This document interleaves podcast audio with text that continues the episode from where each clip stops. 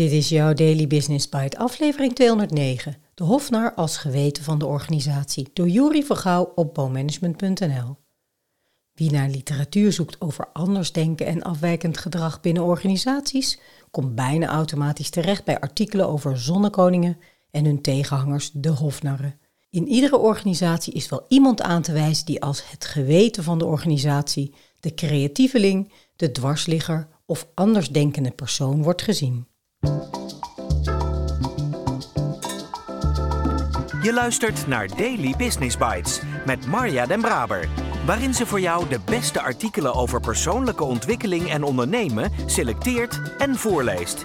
Elke dag in minder dan 10 minuten. De meest passende en gebruikte benaming voor een collega die een dergelijke rol vervult is en blijft echter de hofnar. Het is de persoon die tegenwicht biedt aan zonnekoningengedrag en in vergelijking met de overige medewerkers sterk afwijkend gedrag vertoont.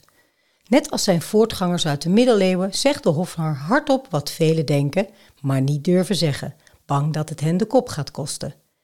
In dat opzicht is de aanwezigheid van een hofnar binnen een organisatie eigenlijk een heel slecht teken. We doen er wel leuk over, we doen er wel leuk over, maar blijkbaar is iedereen te bang geworden zelf nog de nek uit te steken en weet men de top op een of andere manier niet meer te bereiken. De hofnar is dan de laatste hoop om toch nog tegenspraak aan de leider te bieden. Van hem wordt veel geaccepteerd en hij geniet bescherming van de top. Juist die top moet zich volgens Kets de Vries 1993 omringen met mensen die kunnen en durven zeggen: You're full of shit. De hofnar dient over een gereedschapskist aan technieken en methoden te beschikken om datgene te bereiken waartoe hij aan het hof is verschenen: het bieden van een spiegel aan hen die deze door niemand anders meer voorgehouden krijgen. In die gereedschapskist zitten zaken als humor, mensenkennis, feedback geven, verhalen vertellen, de juiste vragen stellen, creativiteit, enthousiasme en vooral heel veel lef. Je moet tenslotte maar durven. De hofnar is vaak een krachtige persoonlijkheid die het risico van ontslag of afvloeiing durft te nemen. En het is de enige in de organisatie die durft te roepen: het is hier een ballentent. De rol van de hofnar dient zich pas aan als hij al enige tijd in de organisatie werkzaam is. Pas dan doorziet de hofnar welke rol hij heeft te vervullen en waar de organisatie behoefte aan heeft. Als geen ander dient hij het algemeen belang, in tegenstelling tot de persoon of personen tegen wie hij stelling neemt. Die denken uiteindelijk toch vooral aan zichzelf. In De Hedendaagse Hofnar 2008 beschrijft Marco Raad de rationele, de praktische, de reflectieve en de creatieve hofnar. Het laat op een goede manier zien dat de rol verschillend kan worden ingevuld. Raad legt een verband met de kwaliteitscirkel van Deming, bekend als Plan, Do, Check, Act. De Hofnar richt zich met name op interne problemen, op het feit dat de organisatie worstelt met zaken waar het zelf geen oplossing meer voor weet. Een waarschuwing is wel op zijn plaats. Een Hofnar is maar een beperkte tijd effectief. Na verloop van tijd wordt hij toch vooral lastig, vertragend, storend of zelfs botweg als ergernis gezien. Daar heb je hem weer. Dit kun je THT-management noemen. De functie is tenminste houdbaar tot. Het is de kunst en de professionaliteit van de hofnar om zijn momenten te kiezen.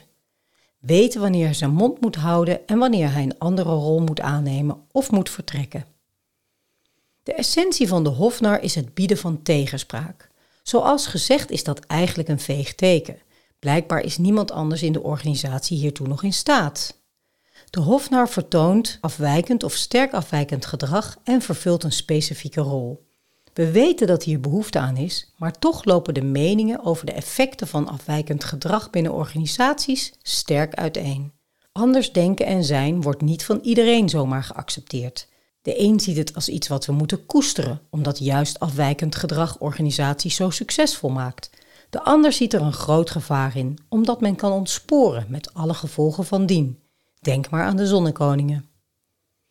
Iemand die heilig overtuigd is van het nut van afwijkende denkers is de Amerikaanse managementgoeroe Tom Peters. Getuige zijn uitspraak: Ik geloof alleen in gestoorde mensen. Peters is sinds zijn bestseller In Search of Excellence 1982 de goeroe onder de goeroes. Af en toe een bezoekje aan een van zijn seminars en je kunt er als manager weer even tegen. In zijn meetings lokt hij managers uit hun tent en speelt keihard op de man. Eigenlijk is hij de consultant en public speaker die als Hofnar fungeert. Een rol die op deze manier natuurlijk eenvoudiger te spelen is dan intern. Pieters kan makkelijk iets roepen. Het ergste wat hem kan overkomen is dat de factuur niet wordt betaald. Zijn uitspraken bieden in ieder geval voer voor discussie. Wat te denken van met mensen die alleen binnen de gebaande paden kunnen denken, behaal je nooit uitmuntende resultaten.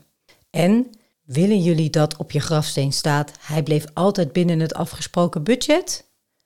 Pieters is altijd op oorlogspad geweest tegen bureaucratie, regelzucht, politieke spelletjes en het starre denken, dat in zijn ogen onder managers eerder regel dan uitzondering is en de weg naar succes voor hun organisaties in de weg staat. Hij kan zich oprecht druk maken over hokjesgeesten en regelneven. Pieters geeft enkele tips die concreet kunnen bijdragen aan anders denken binnen organisaties. Zoek bijvoorbeeld medewerkers die de regels niet accepteren en aan hun laars durven lappen. Selecteer medewerkers vooral op hun houding en niet op hun vaardigheden. Vaardigheden zijn te leren, passie niet. Excellente organisaties worden gebouwd door mensen die meer risico durven nemen en grotere dromen hebben dan anderen. Deze tips maken het leven van een manager er niet makkelijker op, maar dat is volgens Pieters juist de bedoeling. Hij hekelt het vaak gemakzuchtige gedrag van managers. Die willen alles vervatten in regels om het daardoor makkelijker te hebben. Daarvoor word je volgens hem niet betaald. Je moet het moeilijk hebben. Dat levert uiteindelijk veel meer op, zoals creativiteit, vernieuwing, innovatie, flexibiliteit.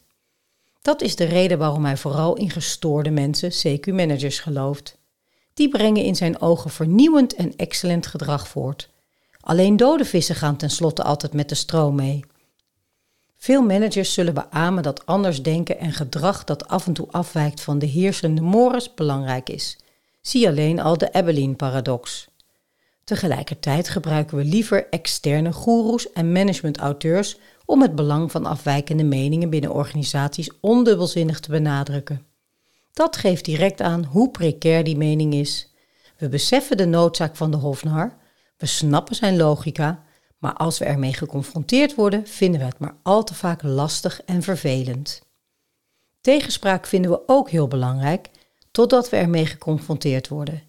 Kritiek komt op veel managers tenslotte snel over als aantasting van hun persoonlijke status en integriteit.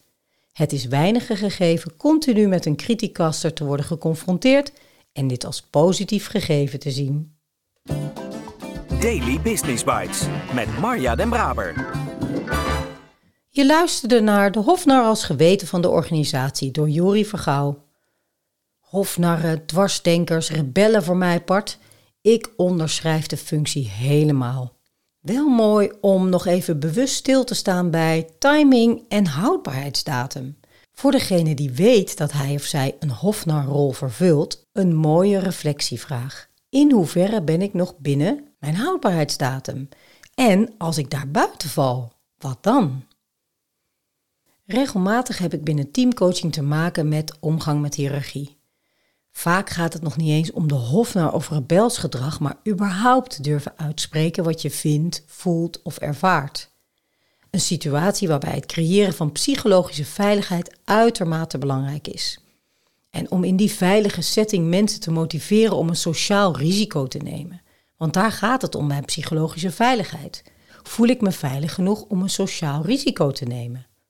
Als ik er zo eens over nadenk, is dat misschien wel een hele belangrijke bijdrage die ik binnen teams kan leveren. Benoemen wat ik zie, hoor en voel, zonder dat ik bang hoef te zijn voor mijn functie. Ha, inderdaad, het ergste wat er kan gebeuren is dat mijn factuur niet wordt betaald of dat ik niet terug word gevraagd.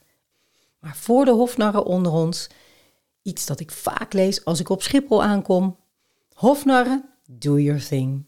Ik wens je een fijne maandag en ik spreek je graag morgen weer.